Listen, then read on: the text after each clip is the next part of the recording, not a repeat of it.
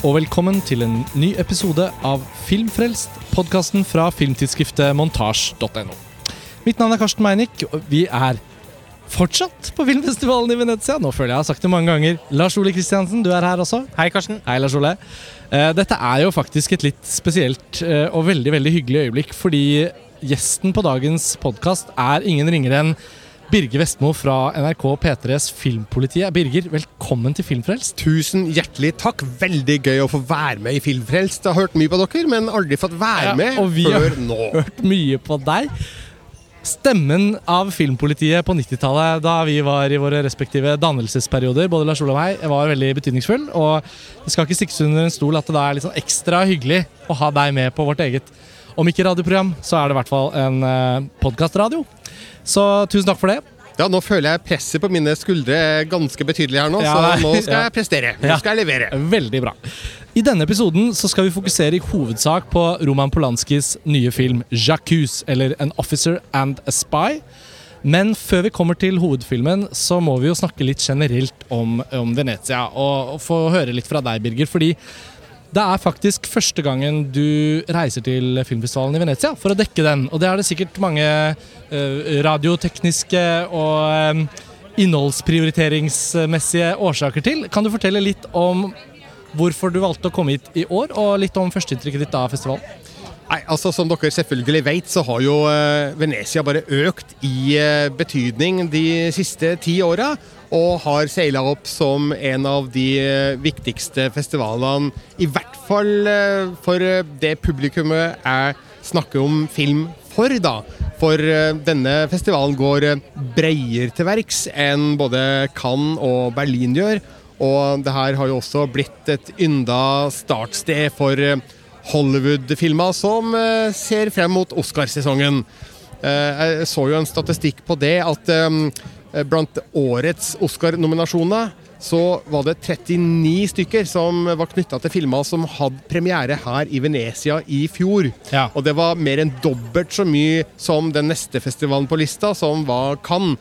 Og eh, det sier jo litt da om hvilken posisjon Venezia har fått for ja, skal vi si eh, den litt større publikumsfilmen, da. Det er greit at det er plass til de også på en festival, tenker jeg. Så jeg tenkte også i fjor at jeg burde innfinne meg her, men det ble ikke noe av. Nå fikk jeg det endelig til, og det har jo vært et, eh, et fint førstemøte med Venezia, syns jeg. Ja, det er bra. Det, Lars Ole, det har jo også vært en litt sånn typisk utgave. da. Nå har jo vi noen utgaver bak oss. Og hvis man skulle ønske seg en bra start for Birger, så føler jeg jo liksom at det det har levert på det jevne pluss, liksom. Ja, det tenker jeg også. Vil jeg tro at uh, du allerede har eh, hatt en viss glede av at festivalen nok må sies å være den mest komfortable å være på. På tross av en ganske forferdelig hete, som vi allerede har nevnt i flere podkaster. Og vi sitter her på ettermiddagen med kveldssolen på Lido på en hyggelig festivalkafé. Og det er da vitterlig 30 grader eh, og hva, 80% luftfuktighet, eller det føles Minst. veldig varmt. Men ellers så er jo festivalen eh, på en helt annen måte enn både Cannes og Berlin. En litt sånn en, en, sl- altså, Den har jo et festivalområde med festivalkafeer, eh, hvor man kan kjøpe Campari og Aperol Spritz til en billig penge. Noe veldig enkel og ikke spesielt god, men i alle fall ikke altfor høyt priset mat. Det er relativt liksom, ok tilgang på steder å kunne trekke seg tilbake. Er det ikke en litt sånn eh, Det er relativt høy grad av komfort her, er det ikke det, Birger? Jo, absolutt. I forhold til Cannes så er jo det her en helt annen type festival å være på. Eh, I Cannes så springer man ofte fra den ene filmen til den andre, til pressekonferanser, til intervjuer. Og det er langt flere redaksjoner der hjemme, altså nå snakker jeg da i NRK, som er interessert i å ha noe fra Cannes. Eh, Det er ikke like stort fokus eh, på Venezia, og da får man jo tid til å faktisk slappe av litt mellom eh, slaga. Og som du sier, Lars Ole, trekke seg litt tilbake. Og det kan faktisk være veldig deilig når man har sett mye film, og det er mange inntrykk som skal fordøyes. Eh, å få en tankeprosess i gang da, omkring de filmene man har sett. Det får man ikke i Cannes av rent sånn praktiske årsaker, mens her i Venezia så er det litt mer rolig og tilbakelent. Det er bedre plass. Det er masse steder å sette seg ned i skyggen på. Ja. Og eh, som du sier, billig øl og Campari det kan jo komme godt med litt utpå kvelden. Eh, eller, eller nå som når vi sitter her. Ja. Det, det med refleksjonstiden er faktisk ganske relevant. da. Jeg opplever ofte at man klarer å synke litt sånn Nå er jo mikrofonene på, da, nå. Men det skal snakkes mye om film når mikrofonene er av òg. Om, om for å forberede en episode med podkast eller, eller radio eller en skrive en anmeldelse. Men, men det er noe med at jeg føler ja, det er litt mer sånn luft under liksom, diskusjonsvingene også. Og det slår jo også ofte veldig heldig ut, da. Og så Eh, slipper man å slite seg ut så mye med å stå i kø. For det må man jo i veldig stor grad i kan, da.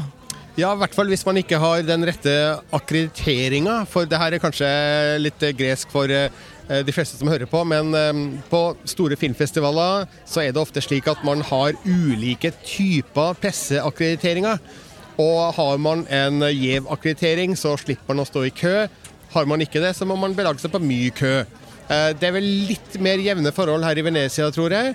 Ja. Men, men eh, Mye flatere hierarki, på en måte. Egentlig bare et, to nivåer. Det er rødt eller blått pass, og de slipper inn nesten samtidig. ja, så, Rødt eh, først, og det er Birgers pass, og blått etterpå. Det er vårt pass. Ja, nemlig. Men man, man får sett det man uh, stort sett eh, vil. Ja. Nå har vi jo da mm, tidligere i dag, når dette spilles inn, ikke kommet inn på en film fordi det ble fullt. Så det skjer her også at man ikke nødvendigvis får sett alt man ønsker seg. Men det, er, eh, det var jo da den nye filmen til Pablo Larrain, eh, som vi absolutt må se. Så da må vi på en måte dessverre se den grytidlig i morgen isteden. Men det er jo da Det var jo en visning som egentlig er en ren publikumsvisning. Ja. Men hvor de har en sånn ordning rundt at hvis det blir noen plasser igjen, så kan man som kritiker eller eh, industriakkreditert eh, få en plass. Ja. Eh, jeg hadde antatt at det kom til å bli ledig der i stad, men det ble det bare ikke. Men eh, det må jo sies at også den filmen har jo allerede hatt et par andre visninger. Som det overhodet ikke ville vært noe problem å komme inn på hvis man møtte ett minutt før start. Ja. Så eh, vi må på en måte i dette tilfellet egentlig skylde oss selv. Ja. Dette var en slags hyllest til Venetias eh, logistikk og, eh, og festivaltilbud. Vi, vi, vi, Birger, ja. Ja, nå er vi inne på festivallivet som kanskje er mest interessant for de som faktisk drar på disse festivalene. Ja. Det som er mest interessant for publikum, er jo det som vises her, og i hvilken grad de filmene kommer til å prege kinohøsten hjemme i Norge. Ja, og nå som vi har deg da i denne episoden, så må vi nødvendigvis ta en liten runde på det vi kanskje allerede har laget noen episoder om, vi isolert sett. Og få høre litt sånn kort, liten oppsummering av dine favoritter og ikke helt fullt favoritter til nå, før vi kommer til Polanski. Skal vi, så fritt ord til deg der, Birger. Ja, jeg har to enormt store favoritter så langt under årets Venezia-festival. Og den ene er 'Marriage Story' av Noah Baumbach, med Scarlett Johansson og Adam Driver i helt fantastiske hovedroller. Og den andre er jo 'Joker' av Todd Phillips, med Joaquin Phoenix i kanskje karrierens aller, aller beste rolletolkning, som jeg ikke ser noen annen løsning på enn at han bare må få en Oscar. Ja. Det er så sterkt og eh, intenst det han gjør i Joker, at eh, jeg ser ikke for meg at noen skal greie å komme opp med en bedre rolle på tampen av året her. Hva tror dere? Utenkelig. Jeg signerer i blod. Ja. Ja, og så er det jo Han har konkurranse med seg selv når du sier det. For det er, og jeg er jo ikke uenig, men det er jo interessant at han til å være noenlunde ung skuespiller Han har faktisk levert veldig mange glimrende rolleprestasjoner ja, på altså, kort tid. Altså Han er jo nesten alltid veldig bra. har han noen gang levert en dårlig innsats i en film? Jeg eh, syns ikke han var så innmari god, faktisk, i The Immigrant til James Gray.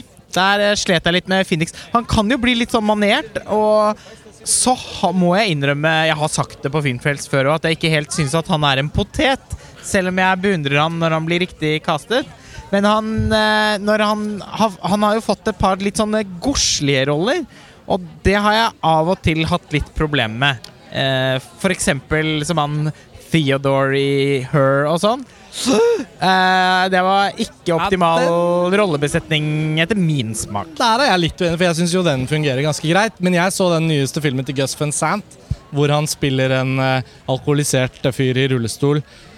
He won't get far on foot. Ja, Det er en veldig vanskelig film til å huske. Takk, Ja. Birger. Tusen takk. Jeg, jeg syns ikke det var top, top notch. Og jeg syns også den Casey Affleck-dokumentaren I'm Still Here, uh, hvor Joaquin Phoenix proklamerte at han la opp som skuespiller, der syns jeg på en måte virkelighetsstuntet var kulere enn det filmiske resultatet. Men når det er sagt, han, har, han gjør det fantastisk som joker. Ja, altså Gladiatoren, Ja. We Own The Night, Walk Ja. The Line han Ja. har, Inherent Vice, Ja, ja. herregud. The Og The Master. Master. Og The Master, takk skal du ha. Han var ikke så er verst i den Sisters Brothers heller, selv om det er en litt sånn little film. Ja. Um, ja. Men en fantastisk skuespiller Ja. Ja. som man egentlig unner en Oscar nå. Ja, virkelig. Det er litt sånn Det er virkelig på tide, og jeg eh, Mine favorittprestasjoner av Phoenix tidligere har nok eh, vært eh, Gladiator, som du nevnte. Jeg syns det, det egentlig er helt absurd Han at han ikke Oscaren, fikk ja. den eh, birolleprisen den gangen. Og, og The Master. Og han har vel sjelden vært i et mer master-lignende modus enn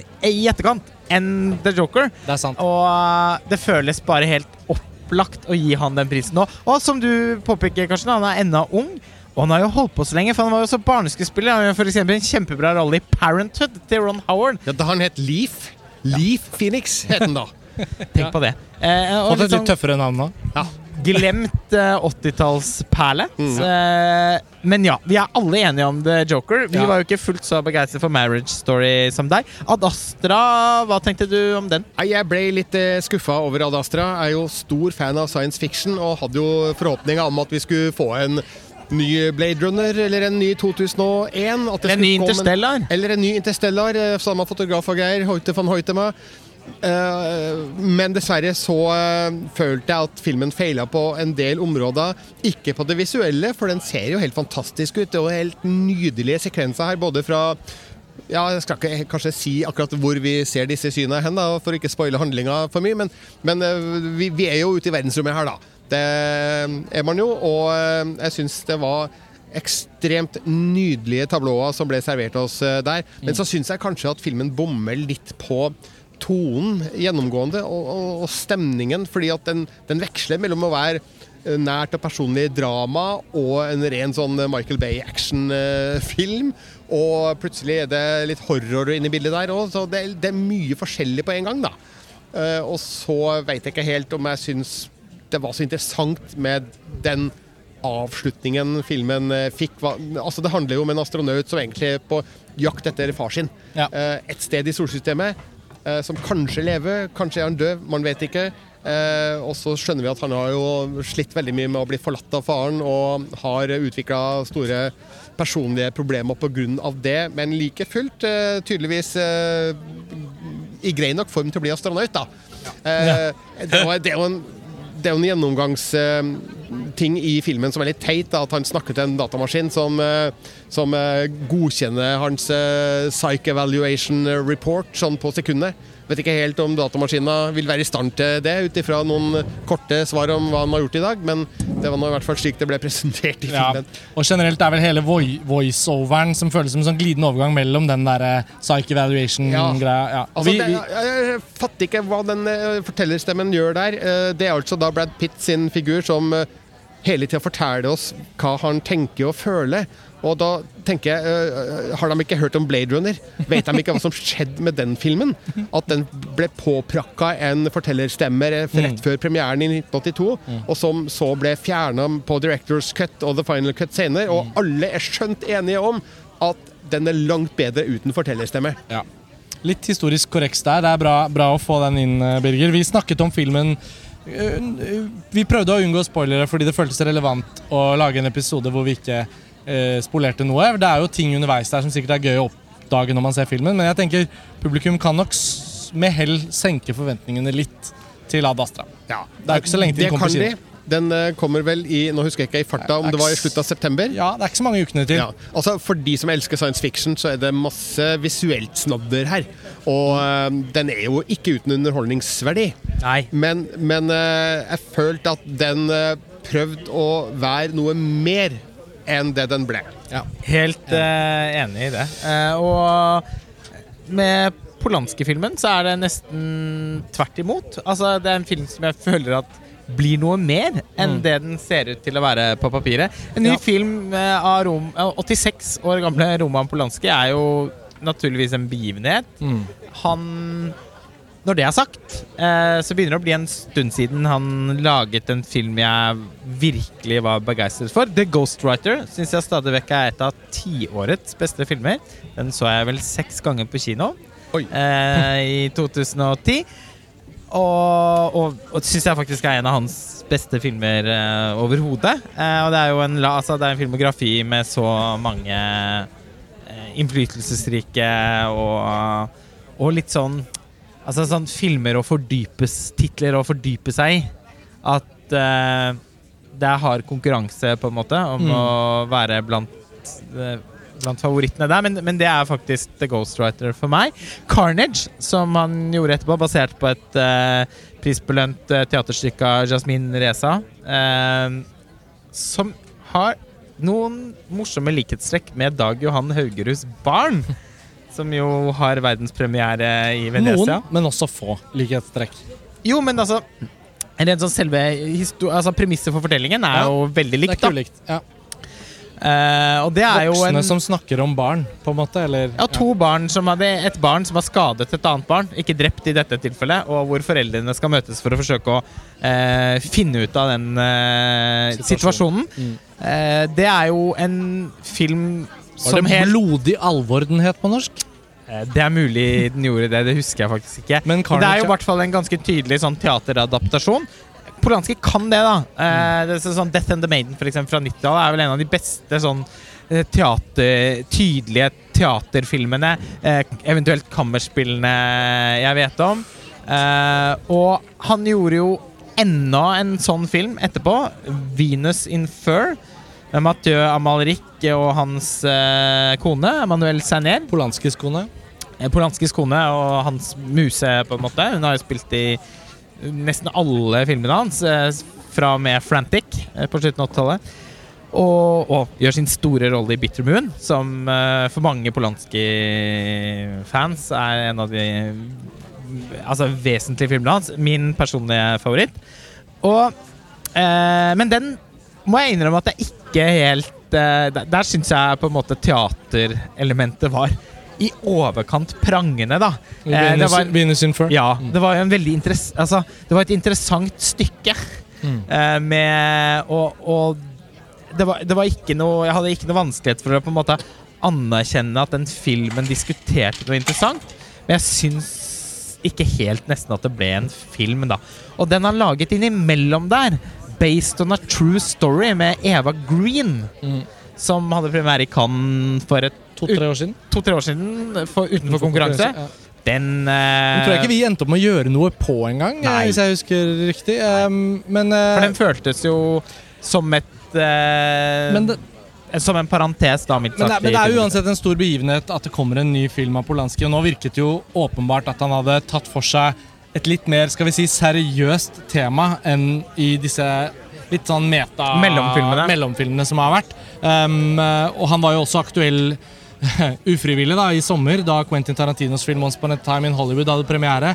Og en av rollefigurene er eh, både Polanski selv, som dukker opp i en bitte liten scene, spilt av en polsk skuespiller som jeg ikke husker navnet på, men ikke minst eh, Sharon Tate, som jo da var gift med Polanski og ventet hans barn. Men og ble som er spilt av Maggie Robbie i filmen. I Tarantinos verden Margot så, Robbie.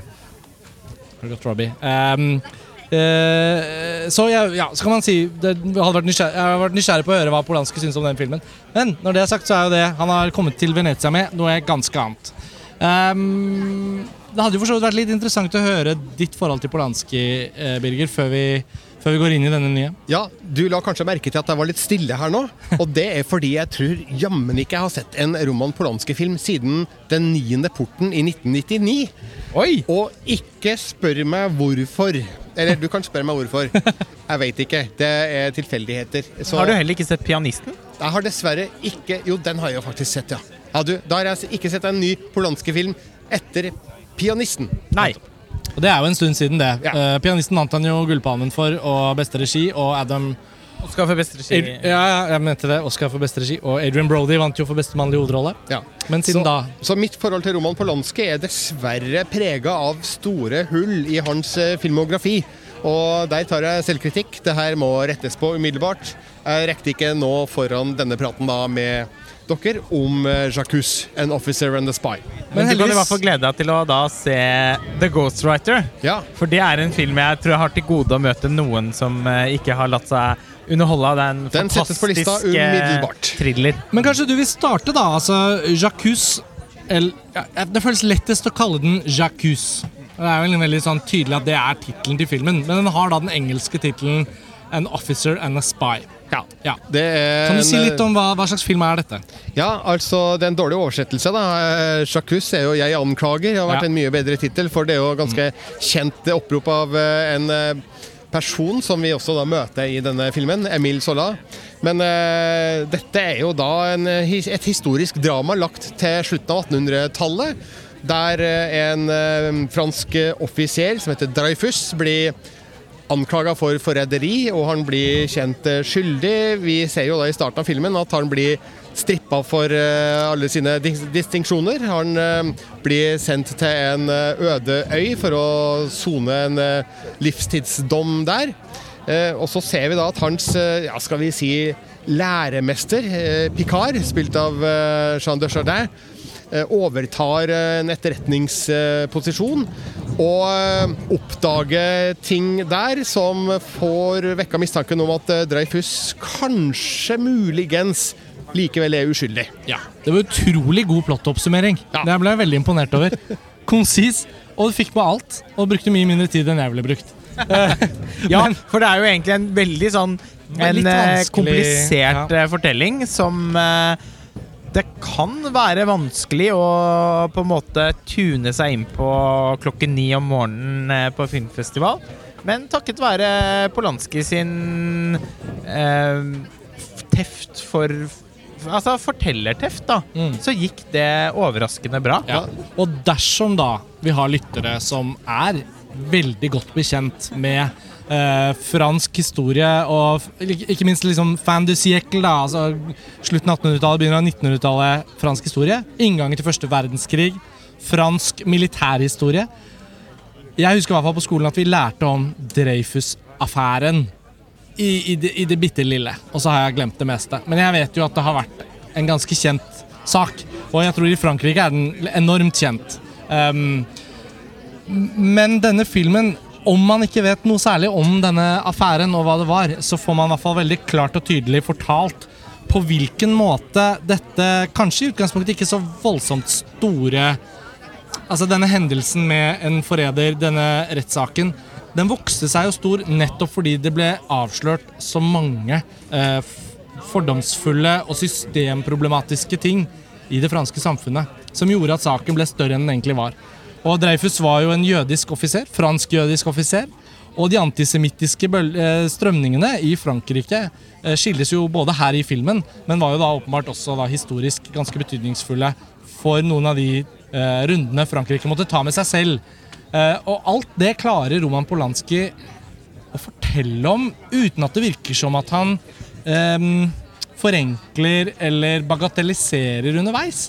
Og jeg syns det er imponerende at filmen samtidig klarer å være underholdende for oss som ikke har noen forhåndsinnsikt i, i kompleksene her. Så det er veldig imponerende historiefortelling, rett og slett. Ja, det er mange figurer, det er mange sammenhenger, det er mange sidespor og det er mange detaljer. Men eh, smart fortellerteknikk gjør at alt det her formidles enkelt og lett for oss som eh, sitter i kinosalen.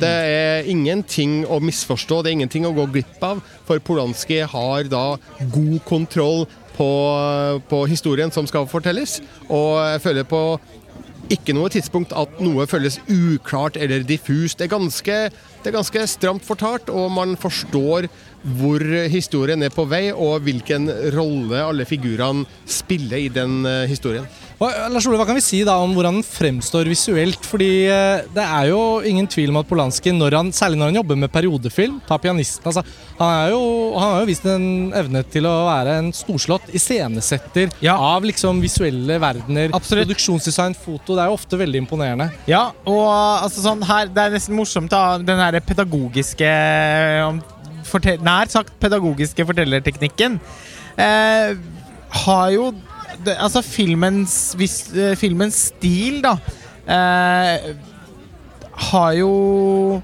også en litt sånn Til å begynne med så kan man få inntrykk av at den da også har en litt sånn forretningsmessig tone.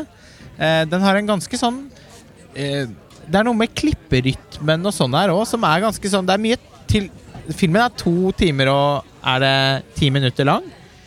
Men den føles ganske Altså, ra, altså de, de timene flyr raskere av gårde enn de gjør i mange andre filmer vi har sett her nede, holdt jeg på å si. Altså, den er øh, Den er skrudd sammen med en øh, Det virker jo Jeg syns det er ganske tydelig at han ønsker å underholde sitt publikum. Mm. Samtidig som han er interessert i at den historien skal bli formidlet på en så tydelig og altså, han, Den er på en måte en eh, Egentlig hadde det ikke vært for at filmen var så eh, meddrivende som den viser seg å være etter hvert, så hadde jeg tenkt at det var noe litt sånn knusktørt over den òg. Ja, den er litt stiv og formell i formen, men det er jo fordi at den skildrer jo figurer og et miljø som er veldig stivt og formelt. Nettopp. Så man kan ikke virre rundt med håndholdt kamera her. Skal Nei. det stå Nei, på stativ, og Det det, skal stå sånn- stille.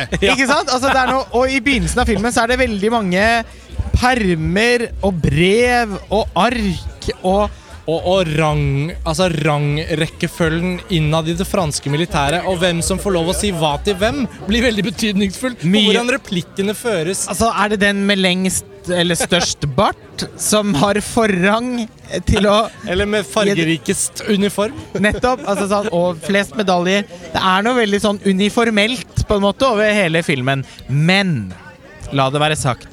Roman Polanski, som er en så visuell eh, regissør ha, vi, altså, Det er som om også filmen åpner seg litt opp etter hvert. her. Filmen er skutt eh, digitalt, veldig synlig digitalt. Eh, men han har jo virkelig gjort noe Altså, han har jo anvendt det digitales eh, Altså Egenskaper. egenskaper ja, Mm. til å skape en distinkt visualitet. Da. Mm. Filmen ser, den har virkelig en, et slående utseende. Mm. Den minnet meg tidvis om Alexander Sukkerov. Eh, jeg tenkte også i noen scener på Roy Andersson. Du, Det tenkte jeg også på åpningsscenen spesielt, Mm, for den ja. starter jo på en sånn stor Enormt eksersisplass. totalbilde. Ja. Med 400 soldater som står da i rekka eh, på alle sider, og så kommer det da noen eh, soldater ridende til hest. og En av dem er jo da Dreyfus, som skal bli fratatt alle sine distinksjoner.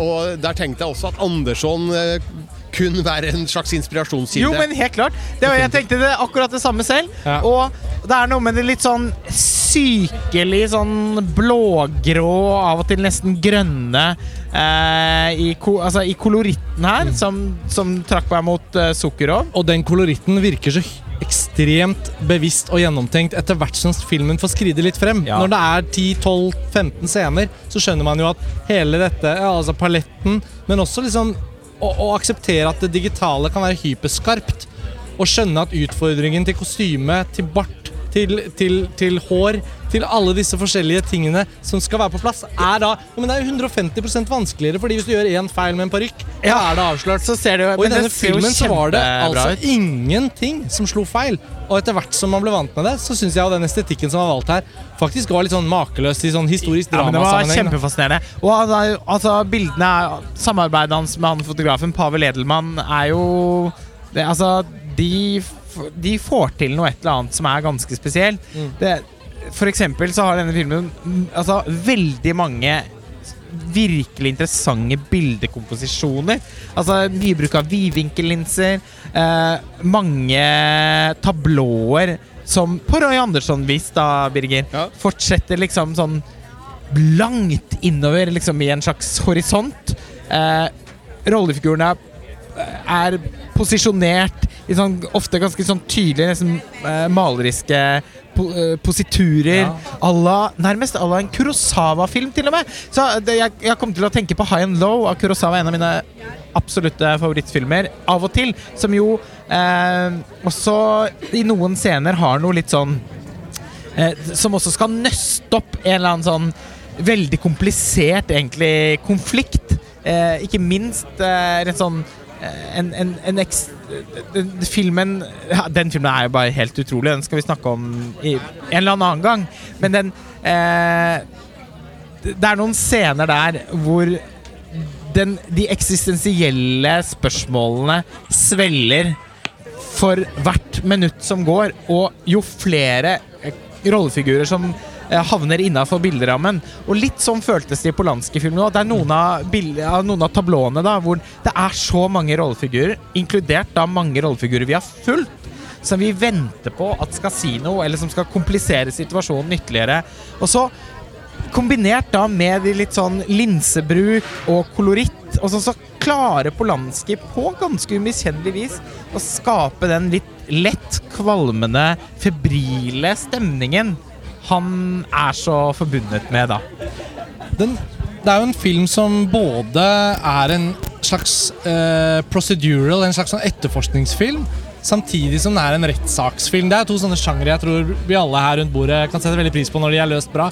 Hva var ditt forhold til liksom, de, de, de, de sjangersekvensene der, eh, Birger? For Historisk drama, ja, men så blir den jo også ganske sånn spennende etter hvert. De leier en leilighet over veien. de tar det er jo Fotografi og film er jo akkurat oppfunnet. De tar bilder, fremkaller, ser på dokumenter, håndskrift som sammenlignes med annen håndskrift. Det er mye av det der òg. Ja, det er jo spennende. Sjøl om man har sett det her mange ganger før, så har man ikke sett det i helt denne konteksten. Altså, det her er jo eh, Ja, det er jo ingen som drepes her, da, men altså, det er jo CSI anno 1895, liksom. ja. Og eh, det er jo engasjerende og meddrivende å følge med på dette arbeidet, og hvordan de da med datidas eh, midler og teknologi forsøker å gjøre et arbeid som nok hadde vært mye mer enklere å få til i dag. altså bare det med gjenkjenning av håndskrift det, Nå vet jeg ikke hvordan det foregår i dag, men, uh, men eh, jeg regner med de bruker noen datamaskiner. Uh, og Her er det jo Mathieu Amalrik som spiller en herlig liten rolle som ja. håndskriftekspert. Og ja. bruker sånn eh, papir med, som er gjennomsiktig for å, for å sammenligne eh, ja. to skrifttyper med hverandre. Det er mye sånn matpapir som får en funksjon her. og også i de um, avsluttende rettssaksscenene, så man har jo sett rettssaker opp og ned i mente i film og på TV, men fremdeles fascinerende å se hvordan det muligens gikk for seg i en fransk militær ja. Eh, rettsdomstol ja. Eh, på slutten av 1800-tallet. Men opplevde ikke du at det, Apropos den rettssaken, og det er mange forskjellige rettsinstanser vi er innom her òg. Hoppes jo litt i tid, og det er ankesaker og ikke og sånn. Men jeg ble, jeg ble faktisk enormt imponert over hvor forseggjort det ble skildret etter hvert, når det er det 100 mennesker i bildet. I et par av de bildene hvor de klipper frem og tilbake. Tilhørere, jury, dommere. Det er lettere å lage rettssaksfilm hvis det er én dommer og to advokater og et par tilhørere. Ja. Her føles det ut som det er et par hundre i hvert eneste bilde. Ja, og alle de som er med, eh, er jo med på å skape en nerve i situasjonen, fordi eh, det er så stort, og det føles så viktig, og det mm. føles så monumentalt at alle de er der for å følge med på denne rettssaken, som mm. åpenbart er av ekstremt høy viktighet for dem. Og ja. Eh, jeg tenker jo at eh, det er med på å skape en spenning i den sekvensen, eller de sekvensene, da, ja. som eh, kommer filmen veldig til gode. Så sjøl om man har sett masse rettssaker på film før, så var det her en rettssak, eller flere, da, som, som bar på intensiteten og, og skapt engasjementet eh, i ganske store strek av filmen. Ja. Når filmen da er ferdig og vi har lært mer om denne Dreyfus-skandalen altså, hva, hva, følte du at du satt igjen med, Birger, som det mest sånn lærerike? For det er jo litt en sånn film.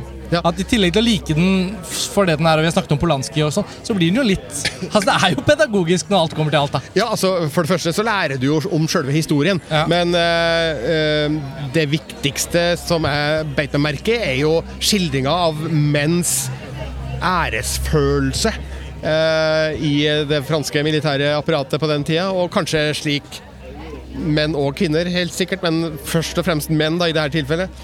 Hvordan de var villige til å gå hvor langt som helst for å kjempe for sin ære. Mm. Uh, for uh, det var viktigere enn noe annet uh, for disse figurene. Ja. Det var å ha æren i behold, ja. og for hovedrolle figuren eh, Picard, Ja. så var det også det, det, dette jaget etter rettferdigheten, Ja. som jo åpenbart ikke var like høyt verdsatt eh, blant noen av hans overordnede. da. Når det er sagt, så tenker jeg at filmen eh, eh, På tross av at den har en eh, at, har et driv i seg hele veien, så kunne den vært litt kortere. Eh, og jeg syns nok at eksposisjonen eh, selv om vi skryter mye av den litt sånn pedagogiske fortellerteknikken her, syns jeg faktisk kanskje at uh, eksposisjonen da kunne vært enda litt tydeligere. Og kanskje først og fremst, hvis man da skal stramme inn et sted i filmen, så syns jeg nok det er den første halvtimen, da. Hvor det blir litt mange Altså litt mange uh, flaksende ark og Permer som inn og ut av skap. inn og ut av skap. Eh, og brev eh, som, som signeres og stemples. Jeg, jeg, jeg er veldig glad i papir og typografi, så jeg må innrømme at permene kunne de bare kjørt på med. For min del. Gamle brev som åpnes sirlig. Ja. Håndskrift som studeres. Jeg hadde ikke noe problem med det. Jeg tenker Tidskoloritten er jo fantastisk Ja, er her, både utrolig. på makronivå og Ja. når det gjelder de store oversiktsbildene fra Paris gater anno 1894, 95, 96. Altså, jeg må si at jeg tenker Hvis det skulle vært noe så Det, det høres utrolig ut, Lars Ole, men dersom den skulle blitt enda mer Hva skal man si? Hvis den skulle fått en eller annen form for sånn vibrerende mesterverkaktighet, så lurer jeg på om jeg syns den kanskje skulle vært litt lenger. Og det betyr ikke at den eh, skulle føltes lenger. Men jeg tror kanskje at det er en film som, hvis den hadde f.eks. klart å tvinne opp enda mer eh, involvering i Emmanuel Seigneurs karakter, da, som spiller elskeren til Picard, spilt av Jean Dujardin, som du sa, Birger. Altså Det er noe med at hans liv blir akkurat ikke nok studert av filmen til at vi forstår ham enda mer som menneske. Han blir nå en gang sånn først og fremst en, en mekaniker i plott. Altså at han skal nøste opp i alt dette, og han har en form for moral som driver ham. En rettferdighetssans. Men utover det så kunne man jo nok blitt enda bedre kjent med han ved at det ble mer fleshed out. da. At scenene som ikke handlet om selve saken, faktisk kunne få ta mer plass. Men jeg tror ikke de kunne redusert spilletiden så voldsomt mye mer på de andre områdene hvis de skulle fått med alle detaljene. da. Alle de historiske detaljene. Filmens Picard er jo veldig interessert i lov og rett og rettferdighet, men det er vel derfor at elskerinne er med i bildet her, for å bevise at han har en annen side også. Det er nesten utrolig at ingen av oss har, kommentert Jean Jean Dujardin Og- i filmens hovedrolle. Ja, Og rollegalleriet for øvrig. Ja. Men især han, eh, som vant en Oscar for The Artist, men som ikke nødvendigvis har fremstått som en spesielt interessant skuespiller for meg. Jeg må si at jeg var helt slått i bakken av hvor god han var. Jeg syns han var så sjelfull, og det er ikke alltid det er så innmari enkelt å framføre den type replikker filmen har. Nei, det var et rolig, beherska skuespill. Der eh, barten selvfølgelig spiller en stor rolle. Han har en Ja. fantastisk bart i denne Ja. filmen, som de aller fleste har. Men uh, Det er vel en av de beste bartefilmene på år og dag. Ja. Det var Det mye det bart i The Hateful Eight og sånn, men Ja. her er det jo virkelig bartemesterskap. Man får jo si som han, eh, han regissøren i Once Upon a Time in Hollywood. Han har Zapata-mustasje! De var det mange av i eh. Jacques. Eh, men eh, Jeg har hatt veldig stor sjans for eh, måten han gestalta den eh, rollen eh, på. Han eh, er jo ikke en mann med de store fakter Nei. eh, og store utbrudd, så det er jo over tid man får en følelse av hvem han er, og hva det egentlig er som driver han fremover i denne saken. Men eh, det, er veldig interessant å se da som jeg nevnte tidligere, å, se hvordan eh, denne æreskodeksen eh, mellom disse militære offiserene eh, virker å være den største drivkraften de har eh, i sitt eh, virke. Og hvor viktig det er å opprettholde et rykte og et renommé. Det, det er det viktigste de har, og det er vel viktig for oss også, det, det ikke det da? Et rykte og et renommé. Men eh, de går jo virkelig etter det med alt de har av krefter. ja. Og, og, som, og, og det er jo liksom Den prosessen på en måte Det er jo veldig sånn subtilt formidlet i eh, Shadan eh, sitt ansikt og, og hans stemme. Så det var jeg helt Ja, altså veld, virkelig imponert over. Må jo også nevne Louis Garell, da. Som er nesten helt ugjenkjennelig. Som Dreyfus. Ja. Ja. Eh, Og og selv om Dreyfus ikke er så mye med i filmen, egentlig, så får vi en veldig klar oppfatning av hans Apropos æresfølelse, Birger. Han står jo selvfølgelig på sin egen eh, mm, Altså, han hevder jo sin uskyld, men han står jo på dette i så intens grad at det varer jo helt til filmens siste bilde, nærmest. Eh, Og det, mm, det Jeg syns Louis Garel er en type som er veldig typete på film. Og det at de har klart å få ham inn bak en sminke, en hårdesign altså Alt er jo på en måte pyntet på ansiktet hans for å få han over i Dreyfus-modus. Men det er eh, usedvanlig bra laget. Jeg måtte google Louis Garell her nå mens dere prata, for jeg huska ikke navnet hans. Nei, og du kjenner ansiktet? Ja, dette jo, Han spilte jo i Bertoluccis uh, The Dreamers. Ja, nettopp. Så det, Nei, det, jeg huska ikke han fra den. Nei. Der jeg så denne filmen. Han var helt ugjenkjennelig. Ja. Det er helt riktig. Uh, og det er, altså, det er jo masse franske skuespillere som ikke er så lett, lett gjenkjennelige for oss, som også gjør bra roller. Alle disse generalene og forskjellige typene i militæret. Det er ikke en film fylt av uh, kvinnelige rollefigurer. Rett og slett fordi de ikke hadde en spesiell funksjon i, si. i denne historien. Der tror jeg rett og slett ikke det er noen å, å hente. Så det er hun Manuel Seinar i hovedsak. Ja. Nei, altså det er uh, Filmens værelser er fylt med gamle, bebartede, Uniformerte, uniformerte menn. herremenn. Ja. Ja. Og sånn var det nå en gang. Og um, det er uh, Altså, jeg må si jeg ser fram til å se filmen på nytt. Ja. Jeg håper virkelig at den får norsk kinodistribusjon. Ikke minst Ja. fordi jeg tenker at den vil få et publikum. Og nå er ikke Nå, nå tenker jeg ikke kynisk på en måte at eh, bare Polanski sitt navn nå igjen er så kontroversielt at det i seg selv vil føre til en eller annen viss nysgjerrighet eller oppmerksomhet for filmen. Men at eh, jeg tenker at det er ganske mange, kanskje særlig godt voksne publikummere, som vil ha stor glede av å endelig liksom forstå hva den Dreyfus-affæren var for noe greier. Eh, så vi får se. Ja, vi får se. Jeg vet ikke om den er sikret norsk kinodistribusjon, men vi har ikke funnet noe konkrete holdepunkter for at den har det, så vi får se. Birger, Ja. nå har du vært gjest på Filmfrelst. Vi er, eh, vi er veldig glad for at du hadde lyst til å være med, vi håper du kommer tilbake. Gjerne det. Veldig Um, hyggelig å få være med. Og lytterne kan jo da sjekke ut Filmpolitiets eh, nettsider, særlig da for eh, ferske anmeldelser fra deg, Birger, eh, fra underveis fra festivalen. Eh, blir det, hva blir det av radioinnhold fra Lido, da?